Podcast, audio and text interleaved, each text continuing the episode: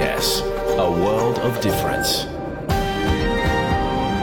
You're with SBS Serbian on mobile, online and on radio. Vi ste uz SBS na srpskom, na mobilnom, na internetu i na radiju.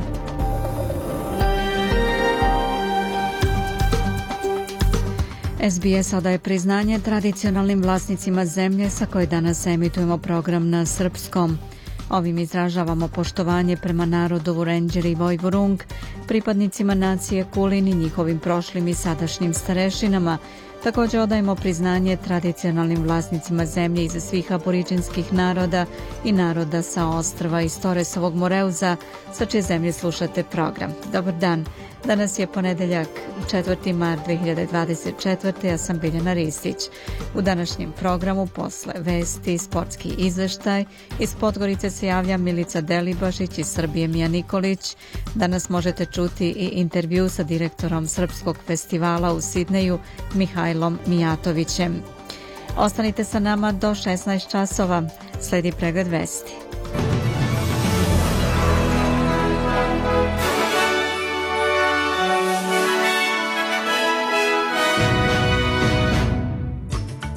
Danas u Melbourneu počinje specijalni ASEAN summit.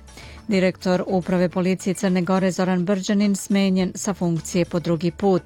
Zvaničnici uključeni u pregovore između Hamasa i Izraela kažu još uvek postoji nada za sporazum pre Ramazana.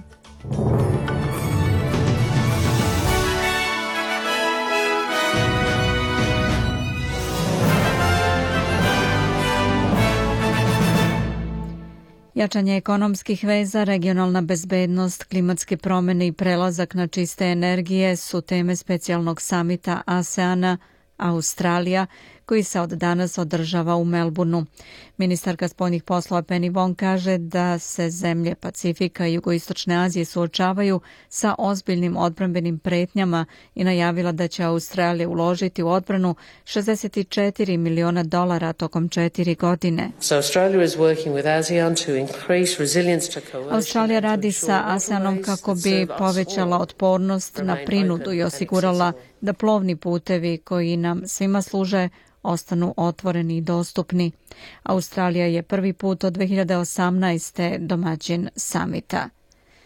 Otvarajući završni blok javnih rasprava Kraljevske komisije za odbranu i samoubistvo veterana, predsedavajući Nik Kaldas, pozvao je na saradnju i odgovornost u rešavanju sistematskih izazova, Gospodin Kaldas kaže da je istraga nastojala da ne potkopa odbrambene sposobnosti Australije. We are not the cause of the IDF's troubles, uh, troubles. Najveći neprijatelj australijskih odbrambenih snaga leži u njima samima, kaže predsednik Kraljevske komisije, koja je utvrdila da se vojska suočava sa duboko ukro ukorenjenim kulturološkim problemima, što treba hitno rešavati. Konačni izveštaj je prvobitno trebalo da bude dostavljen sredinom juna, ali je odobren produžetak roka od tri meseca, te će izveštaj biti podnet početkom septembra. Policija Novog Južnog Velsa mogla bi da razmotri ugradnju GPS tragača na sve vatreno oružje nakon navoda da je službenik policije ubio par iz Sidneja. Istražitelji navode da je 28-godišnji Bolemar Kondon koristio vatreno oružje koje je izdala policija da ubije par Jess Bird i Luke Davis. Premijer Chris Mins rekao je da će komesar policije Viktorije Shane Patton sprovesti nezavisnu istragu o politici i procedurama policije Novog Južnog Velsa. Mims je za Kanal 9 rekao da će razmotriti sve preporuke uključujući mogućnosti poput instaliranja GPS tragača na vatreno oružje. Pomoćnik ministra za Republiku Matt Tislsvajt je izjavio da će rado poželeti dobrodošlicu kralju Charlesu u Australiju, tvrdeći da se pitanje nezavisnosti ne odnosi na kraljevsku porodicu.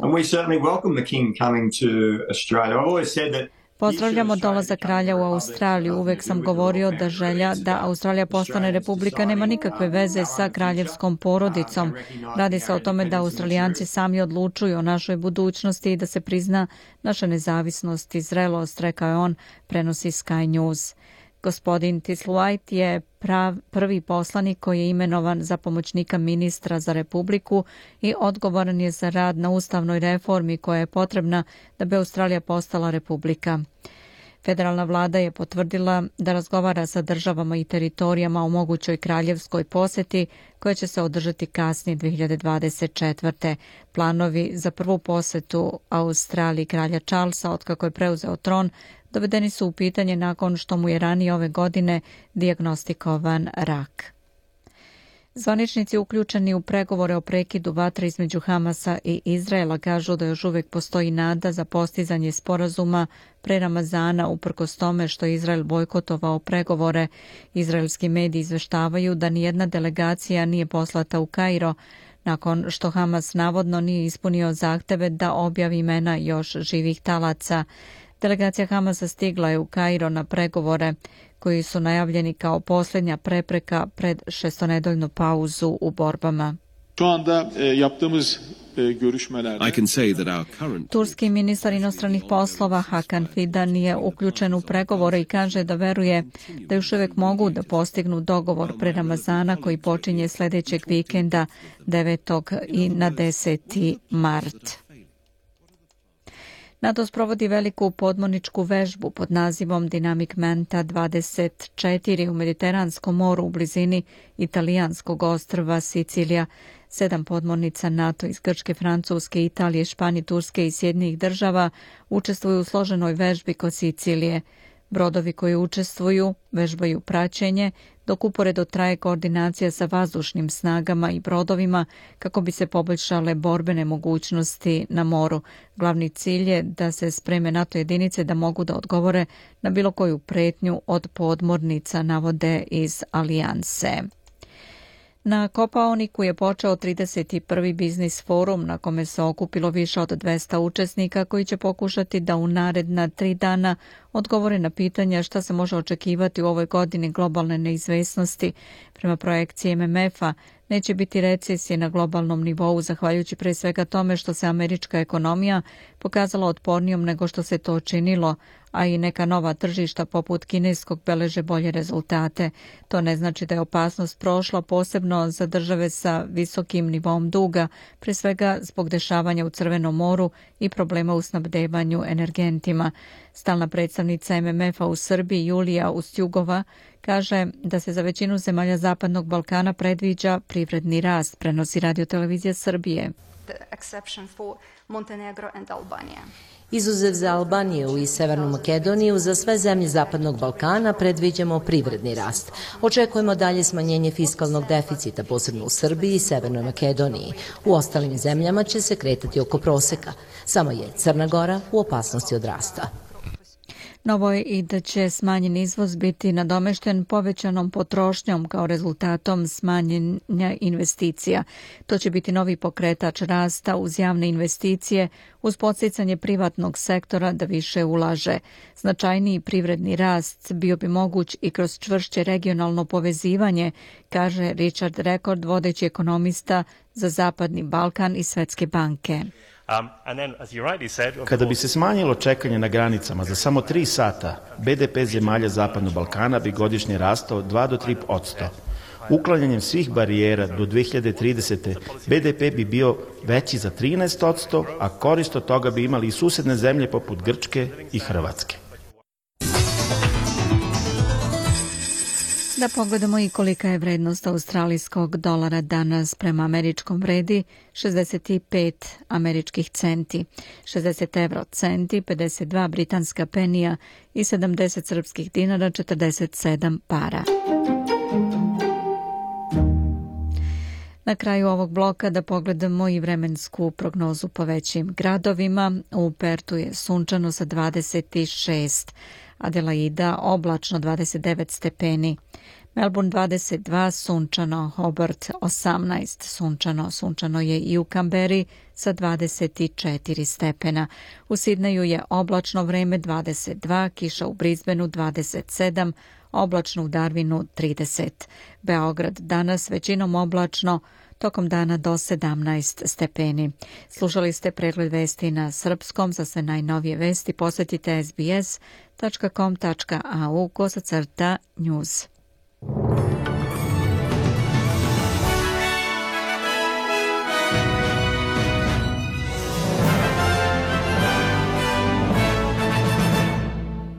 15 časova 10 i po minuta je. U nastavku programa sledi opširan sportski izveštaj koji je pripremio Branko Cvetojević. Da čujemo.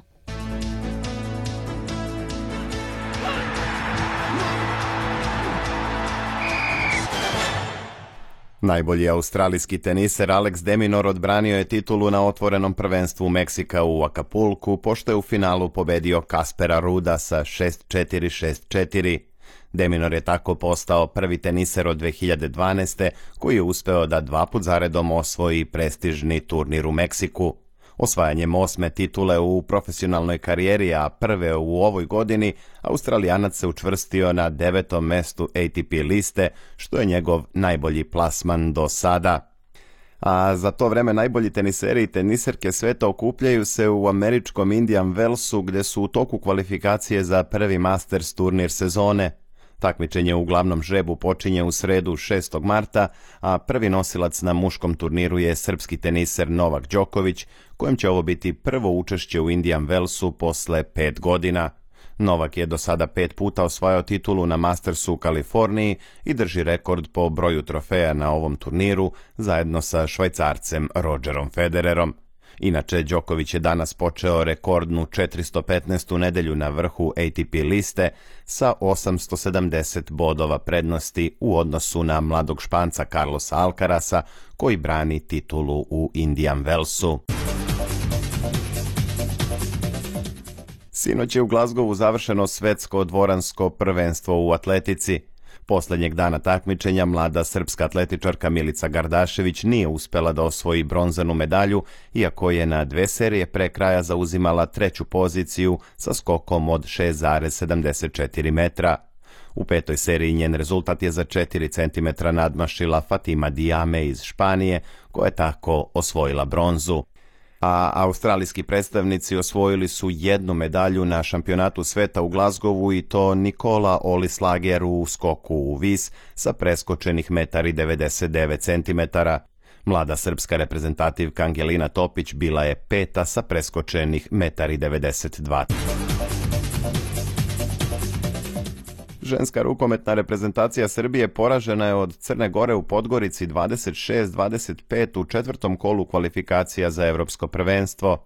Nekoliko dana ranije i prvi duel dve selekcije odigran u Zrenjaninu završen je pobedom Crne Gore 31-30. S ova dva triumfa Crnogorke su obezbedile plasman na prvenstvo Evrope, dok je Srbija trenutno treća u grupi sa tri boda – Do kraja takmičenja srpske rukometašice treba da savladaju Bugarsku u gostima i Tursku na domaćem terenu kako bi se plasirale na kontinentalni šampionat. Ovi mečevi na programu su u aprilu. Futbaleri Wellington Phoenixa nastavili su niz dobrih rezultata u australijskoj A ligi. Tim sa Novog Zelanda je u 19. kolu pobedio Adelaide United 3-2 i sačuvao tri boda prednosti na vrhu tabele u odnosu na aktuelne šampione Central Coast Marinerse. Duel u Wellingtonu rešen je u poslednjih 20 minuta, kada je domaći Fenix sa dva gola u kratkom razmaku stekao prednost od 3-1. Prethodno su gosti iz Adelaida izjednačili golom Luke Jovanovića iz penala u 60. minutu. Mladi futbaler srpskog porekla tako je upisao svoj treći pogodak u A ligi ove sezone, a drugi u poslednja dva meča. Inače, u subotu je odigrani sidnejski gradski derbi u kojem su gosti zabeležili ubedljivu pobedu. Utakmica u Paramati završena je rezultatom 4-1 za Sidnej, a Wanderersi su tako pretrpeli treći poraz u poslednjih pet utakmica. U ostalim mečevima 19. kola A lige Brisbane je savladao Melbourne Victory 3-2, dok je Western United bio bolji od Perta 1-0. Ekipe Partizana i Crvene zvezde nastavile su trku za futbalskog prvaka Srbije identičnim pobedama u 23. kolu Vodeći Partizan je na domaćem terenu savladao Pančevački železničar 3-1, dok je Zvezda istim rezultatom osvojila bodove u derbiju kola protiv TSC-a u Bačkoj Topoli. U narednom 24. kolu beogradski rivali sastaće se u 172. večitom derbiju koji se igra na stadionu Crvene zvezde. Partizan u derbi ulazi sa bodom prednosti u odnosu na zvezdu, a ishod ovog meča mogao bi da odredi i domaćina trećeg ovogodišnjeg duela crno-belih i crveno-belih u okviru play-offa Superlige. U ostalim utakmicama 23. kola postignuti su ovi rezultati.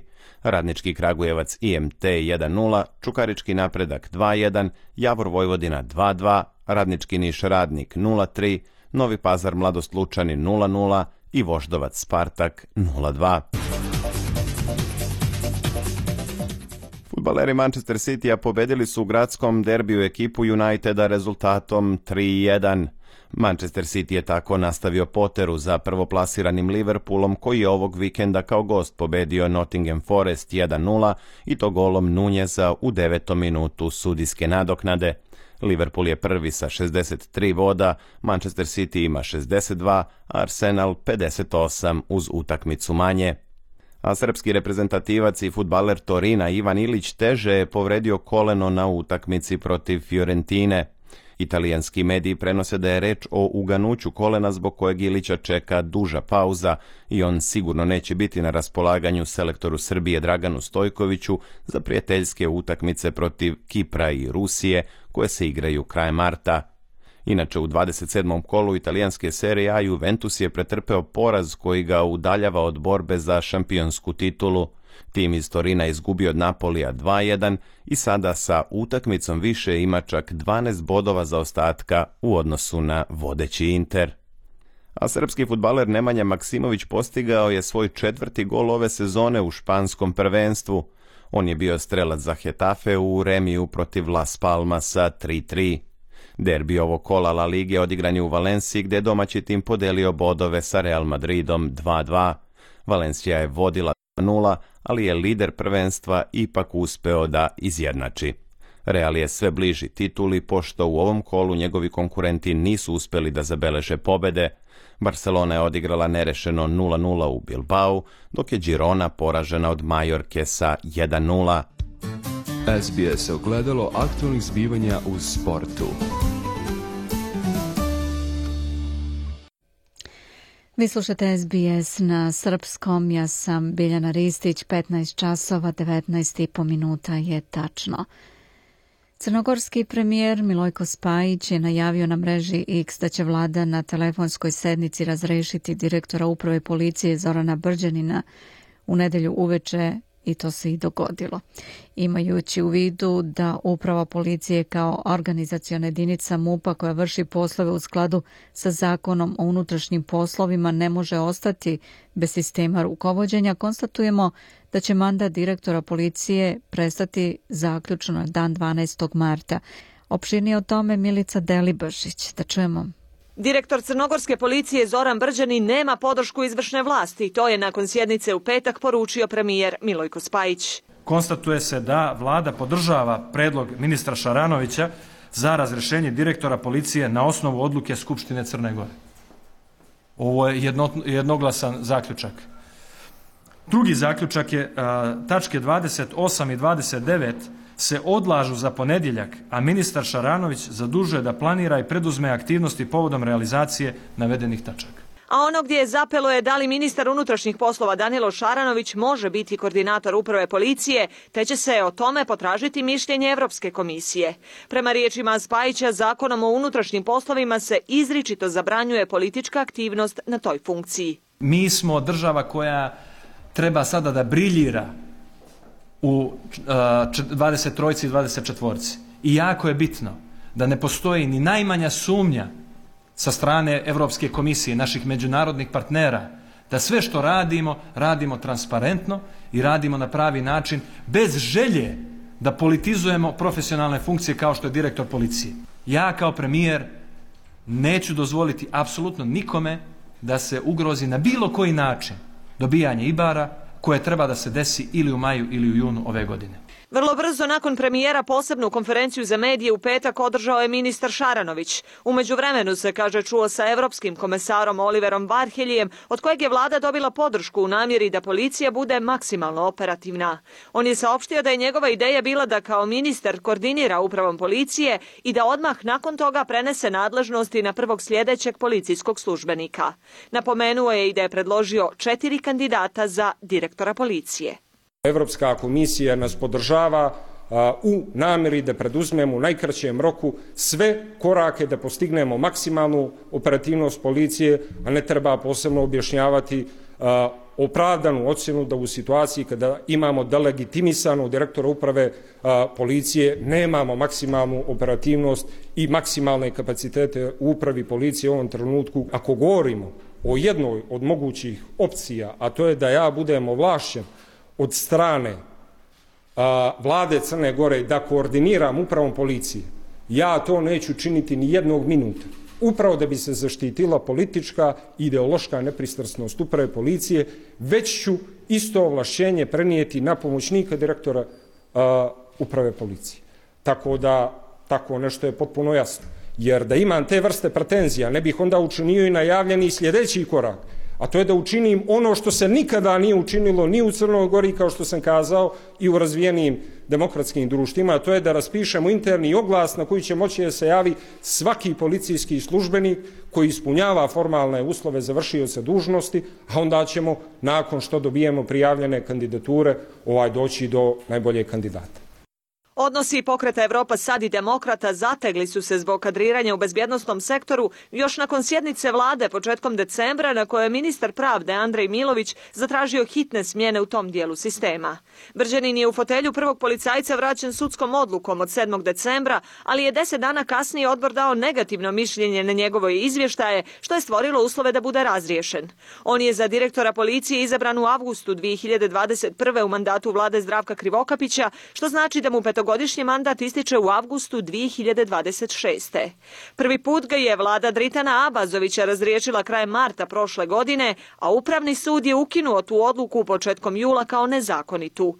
Vlada je ponovila svoju odluku početkom avgusta, a sud je ponovo poništio 7. decembra. Iz Podgorice za SBS na Srpskom, Milice Delibašić.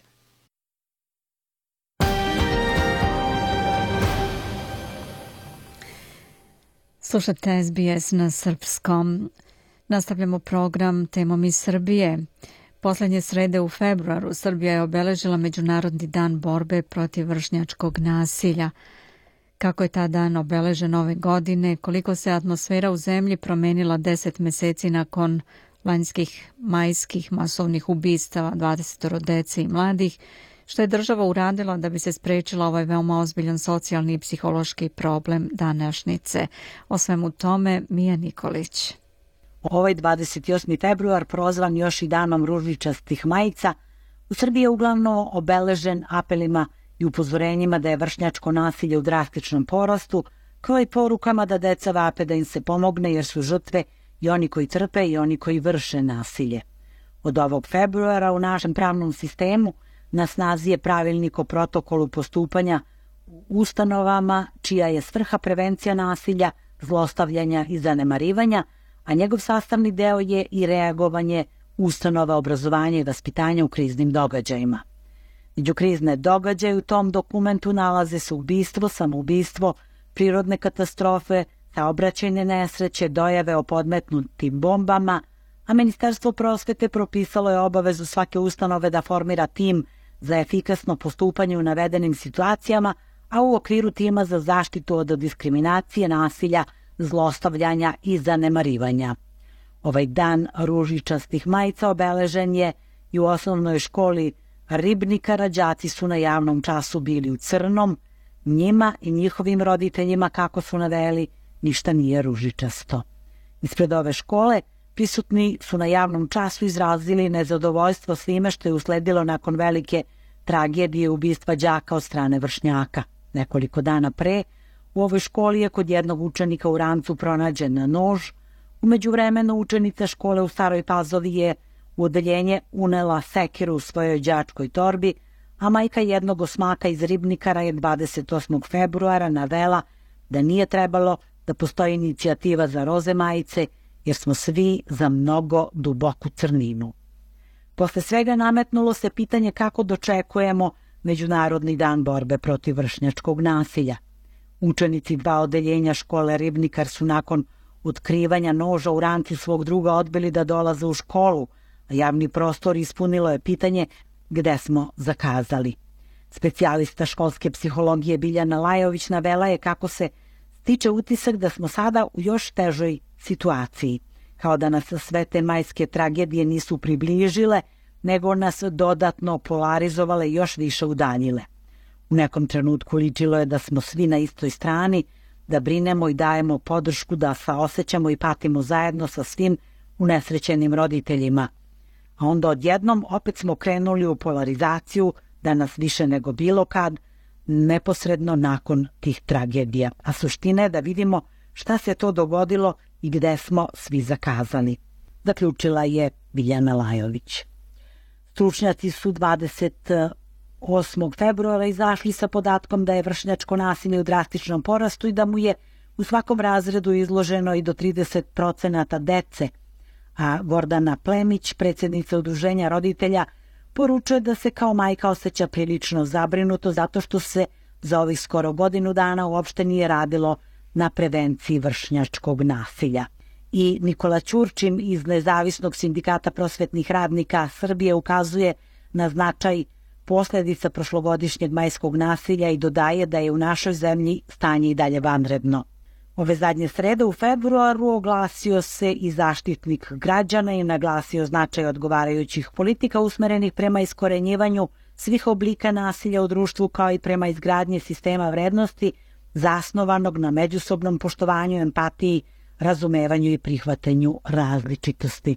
A dok se u to ozbiljno ne investiramo, realnost je da i dalje imamo jednog stručnog saradnika na oko 400 učenika, da socijalne službe nisu ni materijalno ni kadrovski opremljene da reaguju na eksploziju vršnjačkog nasilja, da postojeći timovi po školama nisu obučeni da rade, upozorava portal direktno.rs.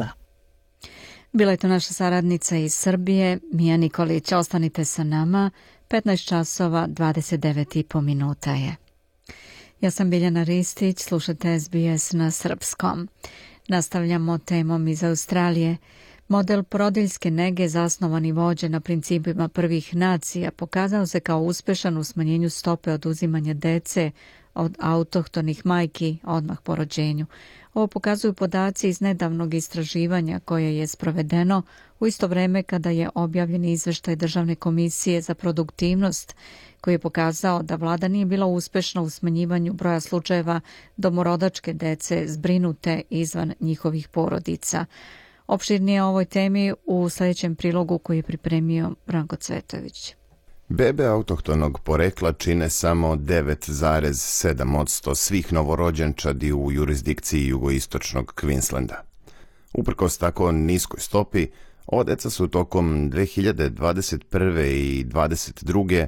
predstavljala čak 43% od ukupnog broja beba koje su zbrinute izvan svoje kuće i porodice. Ipak, pojedini stručnjaci veruju da je ovakva situacija počela da se menja u poslednje vreme. Naime, novo istraživanje sugeriše da žene koje porodiljsku negu dobijaju putem inovativnog modela predvođenog autohtonim stanovništvom imaju tri puta manju verovatnoću da će im službe za zaštitu dece oduzeti novorođenče nego one žene koje su dobile standardnu porodiljsku negu. Kako funkcioniše ovaj model objašnjava Kristi Vatego, menadžer razvoja usluga u organizaciji Birthing in Our Community, odnosno – rađanje u našoj zajednici. Ona kaže da je istraživanje sprovedeno na programu koji se vodi u jugoistočnom Queenslandu i koji omogućava porodicama da ulaskom u program dobiju posvećenu babicu koja će ići u šetnje s budućom majkom tokom njene trudnoće, bit će uz nju za vreme porođaja i brinuće se o majci i bebi do bebinih šest nedelja. Važan aspekt programa je i dodatna usluga koju pruža organizacija rađanje u našoj zajednici, a to je praktičar za podršku porodici koji se takođe dodeljuje majci i može da razume potrebe određene porodice i da ostane blizak s majkom od trudnoće i porođaja, pa čak i sve dok dete ne napuni tri godine. Istraživanje Instituta za zdravlje domorodaca u urbanim sredinama pokazalo je podatke prikupljene u njihovom društvenom centru u Solsberiju od 2013. do 2019. godine. Tokom studije skoro 2000 trudnica i sličan broj beba autohtonog porekla dobio je ili standardnu negu ili model posebne usluge. O iskustvima sa posebnim modelom porodiljske nege – govorila je Sem, majka troje dece koja je sva tri puta primala istu negu. Pravo ime žene za ovu priliku nije otkriveno zbog njene privatnosti. I think the continuity of care has been incredible. Ona kaže da je kontinuitet nege zaista bio neverovatan jer je dobila priliku da prima negu od prve trudnoće pa sve do pete godine najstarijeg deteta. Pošto je sada i četvrti put u drugom stanju, nega će se nastaviti i do polaska u školu dvoje njene dece. Njoj će na raspolaganju i dalje biti babica, a deci pedijatrijske medicinske sestre. Od ukupnog broja žena koje su u istom periodu primale standardnu negu, Od njih 31 služba za zaštitu dece je oduzela bebe odmah po rođenju, dok je samo devetoro dece odvedeno od majki koje su prošle kroz program zajednice. Ovaj specijalni model nege pokazao je daleko nižu stopu oduzimanja dece od 9,5 na ukupno 1000 slučajeva, dok je na nacionalnom nivou stopa za 2021-2022 iznosila skoro 58 oduzete dece na svakih hiljadu novorođenih. Ovakvi podaci pokazuju da je važno imati kulturološki odgovarajuću negu, kaže Storm Henry, babica iz autohtonog naroda koja već 8 godina radi sa majkama domorodačkog porekla. Henry kaže da su zdravstvene službe kroz istoriju bilo da su javne ili privatne, bile kolonijalne institucije u kojima pristup nije bio siguran za aboriđine. Ona smatra da razumevanje toga i poznavanje nekih od izazova s kojima se ljudi mogu suočiti, kao i saznanje šta se zapravo dešava u lokalnoj zajednici, može pomoći u uspostavljanju veza sa ljudima, recimo kada znate da je neko rođak neke osobe kojoj ste ranije pružali podršku, to je zaista lepo i posebno, dodaje ona. Rezultati ovog istraživanja su objavljeni istovremeno kada i godišnji izveštaj Savezne vlade o zatvaranju jaza, Closing the Gap, za 2023. Taj dokument pokazuje da i onako previsoka stopa zastupljenosti starosedelačke dece koja su zbrinuta van svojih porodica nastavlja da raste. Kristi Vatego iz organizacije Rađanje u našoj zajednici kaže da rezultati izveštaja koje finansira Australijski nacionalni savet za zdravstvena i medicinska istraživanja – pokazuju da je moguće značajno smanjiti broj autohtonih beba koje su oduzete po rođenju i to putem holističkih zajednički dizajniranih usluga. We have families Vatego kaže da porodice širom zemlje koje primaju ovaj vid nege dobijaju ono što im pomaže da budu najbolji mogući roditelji, ukazuju im da isprave nedostatke i da rade na nivou porodice, a ne da gledaju na individualne potrebe. Prema njenim rečima postoji mnogo toga što šira zajednica može i treba da uradi kako bi osigurala da se ovim porodicama pruža kulturno bezbedna briga bez osuđivanja, Organizacije predvođene domorodačkim stanovništvom odavno tvrde da je najbolji način da se pomogne u zatvaranju jaza u nepovoljnom položaju autohtonog stanovništva upravo kroz programe koji slušaju i primenjuju pristupe predvođene domorodačkim stanovništvom za ona pitanja koja nesrazmerno utiču na aboriđine. Rene Blackman je izvršna direktorka zdravstvene službe aboriđina i ljudi sa ostrva Torresovog Moreuza u Brisbaneu. Ona kaže da ovaj program treba da se sprovodi na nacionalnom nivou. Blackman kaže da istraživanje zapravo dokazuje da ovakav poseban model porodiljske nege funkcioniše i da može biti efikasan i od koristi za žene, njihovu decu i porodice, a posebno za održavanje porodica na okupu.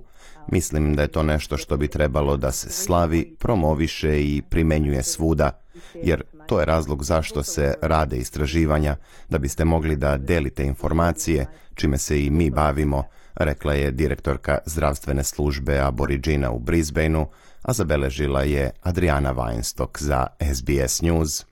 Ja sam Branko Cvetojević.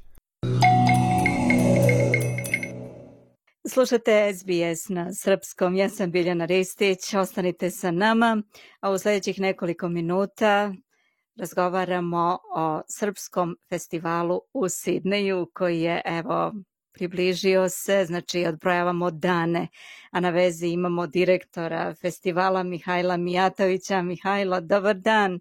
Dobar dan Biljana, hvala, hvala na poziv. Evo, ja rekoh, odbrojavamo dane, je jel tako? Baš je tako, baš je tako. Pritisak je stigla na nama ovde, na odbor ovde Srpskog festivala, ali tako je, tako svaki, svaki godine ovo dođe, krene i dođe baš brzo za nama i opet idemo na Srpski festival, najsjajne dane, kako da kažem, za naš zajednicu ovde u Australiju i imamo ljudi od svaki grad iz Australije dolazu na naš festival. Šta nam ove godine pripremate na festivalu? U, uvek pokušavamo nešto interesantno da napravimo, nešto novo, nešto da bude zanimljivo Um, ovo godinu vratimo se u Tambalong Park gde smo bili devet godine od naš deset godine što smo održali festivala. E, svi znaju, prošle godine mi smo morali da promenimo lokaciju zbog građanje od e, bine u Tambalong Parka, ali sad vratimo se baš u sred Darling Harborom, sred Sidnaju u Tumbalong parku. Biće e, nove zanimljive stvari. Mi smo zagradili mini zološki vrt za decu mi ćemo da imamo kokoške, patke i zecovi, tako neki mali životinje da budu interesantno i zanimljivo za dece, da dođu, da igraju se i tako da vidu životinje i to će da bude puno interesantno za svi. A, kao uvek, mi ćemo da imamo dosta vrsta hrane, ćevapa kao svaki godinu, bureka i pite i, i isto zanimljivo dece što nisu igrali pre, mi imamo dve grupe iz Perta što dolazu na festivalu i oni dolazu da, da pevaju, e, hor će da bude iz Perta, isto par folklor grupe da igraju igre. E, Biće to puno interesantno i, i zanimljivo za svi. Da li će i ove godine na otvaranju biti zvanice? Ko će biti na otvaranju festivala? Vladika će da bude Siluana, bit će ambasador, bit će konsul, bit će leader of the opposition Mark Speakman, mm -hmm. bit će senator Dave Sharma i bit će um, deputy lord mayor of city Robert Koch, bit će uh, upper house state MP a, uh, Rachel Merton. Mm -hmm. Biće dosta poznati političari i poznati ljudi i to je dobro za našu zajednicu u Australije da političari razumu šta smo mi. I to je baš srce od ovaj festival da mi možemo da napravimo velika reklama za našu zajednicu ovde u Australiju, da ostali ovde razumu šta smo mi. I to je baš važno za nas. Isto što mi smo mladi, što što smo napravili ovaj festival, sve je volonterski, uh -huh. um, im da radimo od srce i od duše i to hoćemo da pokažemo se malo. Rekao si da rade volonteri, je li kasno da vam se ljudi pridruže? Nije uopšte kasno. Kogod ima želju da dođe, da, da bude volonter, on može ili ona može. Um, to nije nikakvi problem. I isto na dan ljudi mogu da dođu, da pričaju sa nama i ako hoću da volonteru, to je moguće isto. Nije, nije nikakvi problem. Uvek želimo da ljudi dođu i da budu deo festivala. Mm -hmm. Što više ljudi, to bolje, je jel tako? Tako, mhm. tako, mm -hmm. tako. A, ja sam videla na vašem Facebooku da pravite jednu zanimljivu izložbu tokom festivala. Biće interesantna izložba od Hiliad misije. To je 80 godine od um, spašavanja američkih pilota iz drugi svetski rat ko su bili u bivše Jugoslavije i bit će puno zanimljivo, puno interesantno. Mi smo dobili slike, fotografije i par druge stvari iz misije i zajedno sa njih, koleđom, E, crkvom i srpskom festivalom i soje mi, mi smo napravili ovo da bude baš interesantno izložba. Biće isto medalje iz prvi svetski rat, drugi svetski rat i pre i bit će isto brošure sa informacijama da ljudi mogu da pročitaju i da imaju još malo informacije da razumu šta je bilo i, šta sve znači. Mm -hmm. Znači, bit će stvarno interesantna dva dana i da kažemo koji su to datumi, da ljudi mogu u svom kalendaru da zaokruže datume kada se održava festival i da još jednom ponovimo lokaciju. Da, 9. i 10. mart um, 9 od 12 sati do 10 sati uveče i na 10 na, na nedelju od 11 sati ujutro do 8 sati uveče. Najbitnije je da dođete u Tambalong parka u sred Sidneju u Darling Harbor. Isto, mi ćemo da imamo koncert na uveče na subotom od pola osam do deset sati, to je dva i po sati, e, traje koncert, to je Toni Trubač i njegov svirači. Isto um, uveče na nedeljom od 6 sati imamo isto koncert do 8 traje, um, bit će Lolo Lovina i Marsala Bands, oni baš lepo sviraju, bit će interesantno pesme i bit će um, narodne pesme, kolo i sve ostalo. Biće baš žurka za naš narod i za sve one koji se pridruže, koji prođu parkom, verovatno će biti onih koji će biti zainteresovani da dođu i da pogledaju malo okolo, da pojedu lepu hranu na kraju krajeva, je li tako? Pa tako, pa to je i razlog za festivala, da imamo malo Kineza da dođu, da Australci dođu, ovi Indus do, da do oni dođu, da svi vidu šta smo, ko smo i šta imamo, šta je srpsko dušu, šta je naš rana, šta je naš pesme i sve ostalo. Mm -hmm to je baš razlog za festivala. Mm -hmm. Fantastično, ja mislim da će jako biti interesantno, posebno što se vraćate na staru lokaciju u centar grada, da tako kažemo, u Luku. Um, I e, ja vam želim stvarno svaki uspeh, da sam bliže došla bih, ali malo je dalek put, ali možda sledeće godine, možda sledeće godine da se pridružim, ali svakako će biti moj kolega Branko Cvetojević, tako da Ukoliko naši slušaoci vide mikrofon sa našim logom, neka priđu, neka kažu kako su se proveli, pa ćemo fino da to sve emitujemo u našem programu. Mihajlo, mnogo hvala na vremenu koje si odvojio. Evo da kažem našim slušaocima, mi snimamo kasno ovaj intervju, pošto i ti radiš, a uporedo i organizuješ festival. Da, da, nije lako, da, stvarno trebam ovo da kažem, nije lako, ja radim kao advokat, ja sam isto mm. odbornik u moj lokal ovde u zapad deo od Sidneja ovde u Fairfieldu i isto radim na ovaj festival na volonterski način i, i nije lako, ali imam volju za moj narod, za srpski narod, za našu zajednicu i ja neću da mi izgubimo našu kulturu mi imamo obrazovani dece i mhm. najbitnija stvar za roditelji da pokušavamo da, da držimo našu veru, naš kulturu i naš jezik. Možda ja pobrukam neki put padeži, ali borim se. I to je najbitnija stvar. I da radimo zajedno, kao zajednicu, da održimo našu kulturu. To je baš važno. Apsolutno i evo i pre smo govorili o tome, ja ću opet da ponovim, to je velika hrabrost da se zadrži jezik bez obzira što se prave greške i ja mislim da je tvoj srpski sasvim korektan, nemoj da se stidiš da ga pričaš. Hvala. Mihajlo, hvala mnogo još jednom na vremenu i ja se nadam da će festival proći fantastično. Hvala Biljana, hvala. Moj sagovornik bio je Mihajlo Mijatović, direktor Srpskog festivala u Sidneju. Ja sam Biljana Ristić.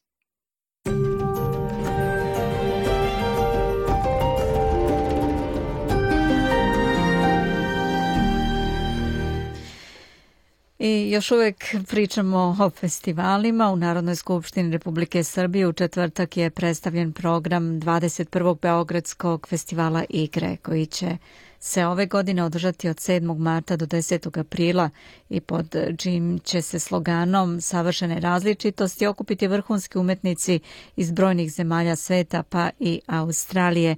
Javlja Hranislav Nikolić da čujemo pod sloganom Savršene različitosti od 7. marta do 10. aprila u Beogradu i Novom Sadu biće održan Beogradski festival igre na kojem će učestvovati pleste kompanije iz 14 zemalja, iz Australije dve.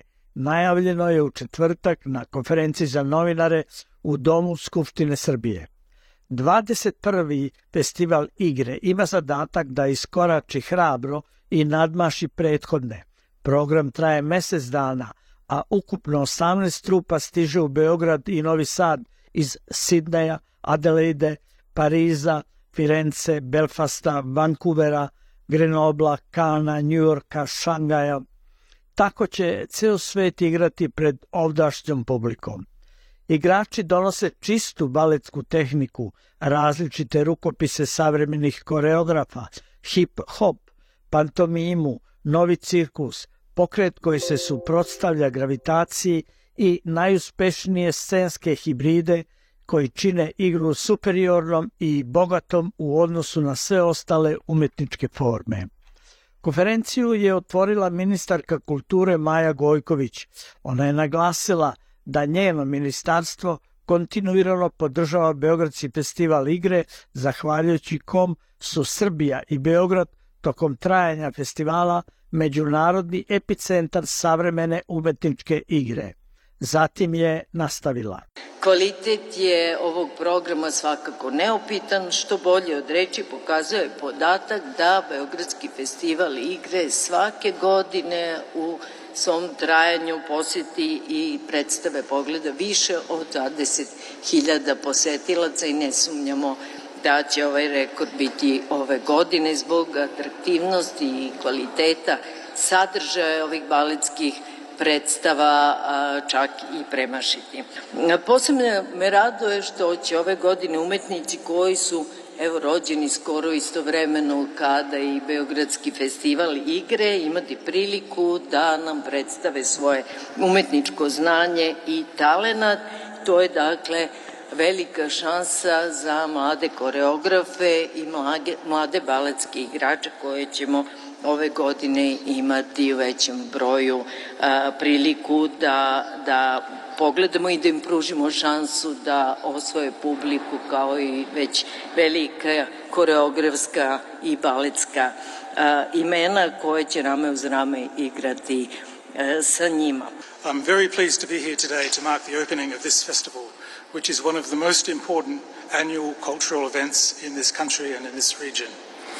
I would first like to thank Uh, uh, Ambasador Australije u Srbiji Daniel Emiri je ocenio da je Beogradski festival igre jedan od najvažnijih događaja u Srbiji i regionu sa impresivnim spiskom izvođača. for the public to see the work of the world's best and most innovative dance groups. And when I say the world's best, I do include Australian artists amongst them. At this festival, you'll have the chance to see some outstanding work of our leading choreographers and dancers. This year, we have the pleasure of welcoming two Australian companies one that has already performed in Belgrade in 2018, the Sydney Dance Company, and another that's coming here for the first time, a group from Adelaide called Gravity and Other Myths. Emily je rekao da iz Australije dolazi cirkuska kompanija iz Adelaide koja će nastupiti 29. marta u bioskopu Balkanu u Beogradu, a 5. i 6. aprila Sideska plesna kompanija gostovaće u Narodnom pozorištu.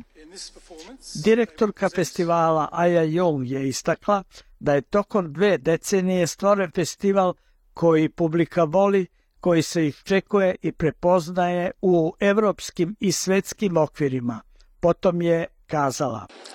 Ako festival treba da diktira trendove, onda smo pokazali definitivno tu hrabrost da budemo otvoreni za novine i uticaje, sa jedne strane da sačuvamo baletsku tehniku, ali i da uvedemo jedinstvene rukopise savremenih koreografa, ali isto tako i hip-hop i pantomimu i novi cirkus i pokret koji se suprotstavlja gravitaciji, kao i najuspešnije scenske hibride koji danas čine igru superiornom i bogatom u odnosu na sve ostale umetničke forme.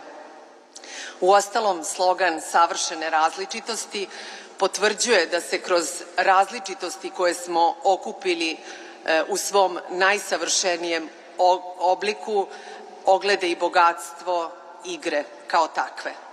Na kraju da kažemo da su i ambasadori Švedske, Italije, Kanade, Češke, Izrela, Francuske i Nemačke u kratkim crtama najavili nastupe kompanija iz svojih zemalja na ovom festivalu.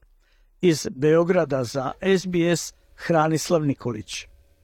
A u lepom raspoloženju primit ćemo se i kraju programa. Pesma Eurovizije održat će se u Malmeu, takmičit će se predstavnici 37 zemalja. Predstavnici Srbije i Australije nastupit će u prvom polufinalu pesme Eurovizije 7. maja. Srbija je svog predstavnika odabrala tokom vikenda na festivalu pesma za Euroviziju koji se održao 27. 29. februara i 2. marta pobednik pesme za Euroviziju Teadora sa pesmom Ramonda. Dobila je ukupno 22 poena od žirija i publike. Da čujemo tu pesmu.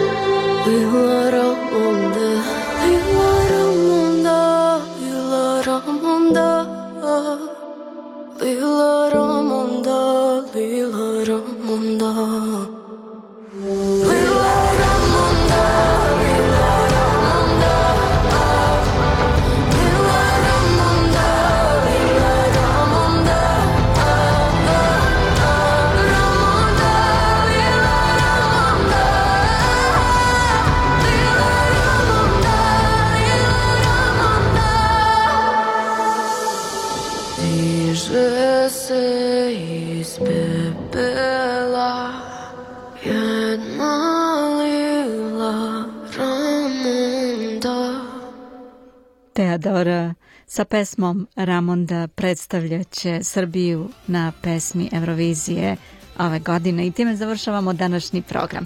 Sljedeća emisija sutra u 15 časova. Možete nas slušati na internetu po pozivu uživo sbs.com.au kosacrta Srbijen, Facebook, naš profil je SBS Srbijen. Sa vama je bila Biljana Ristić. Dođenja i prijatno.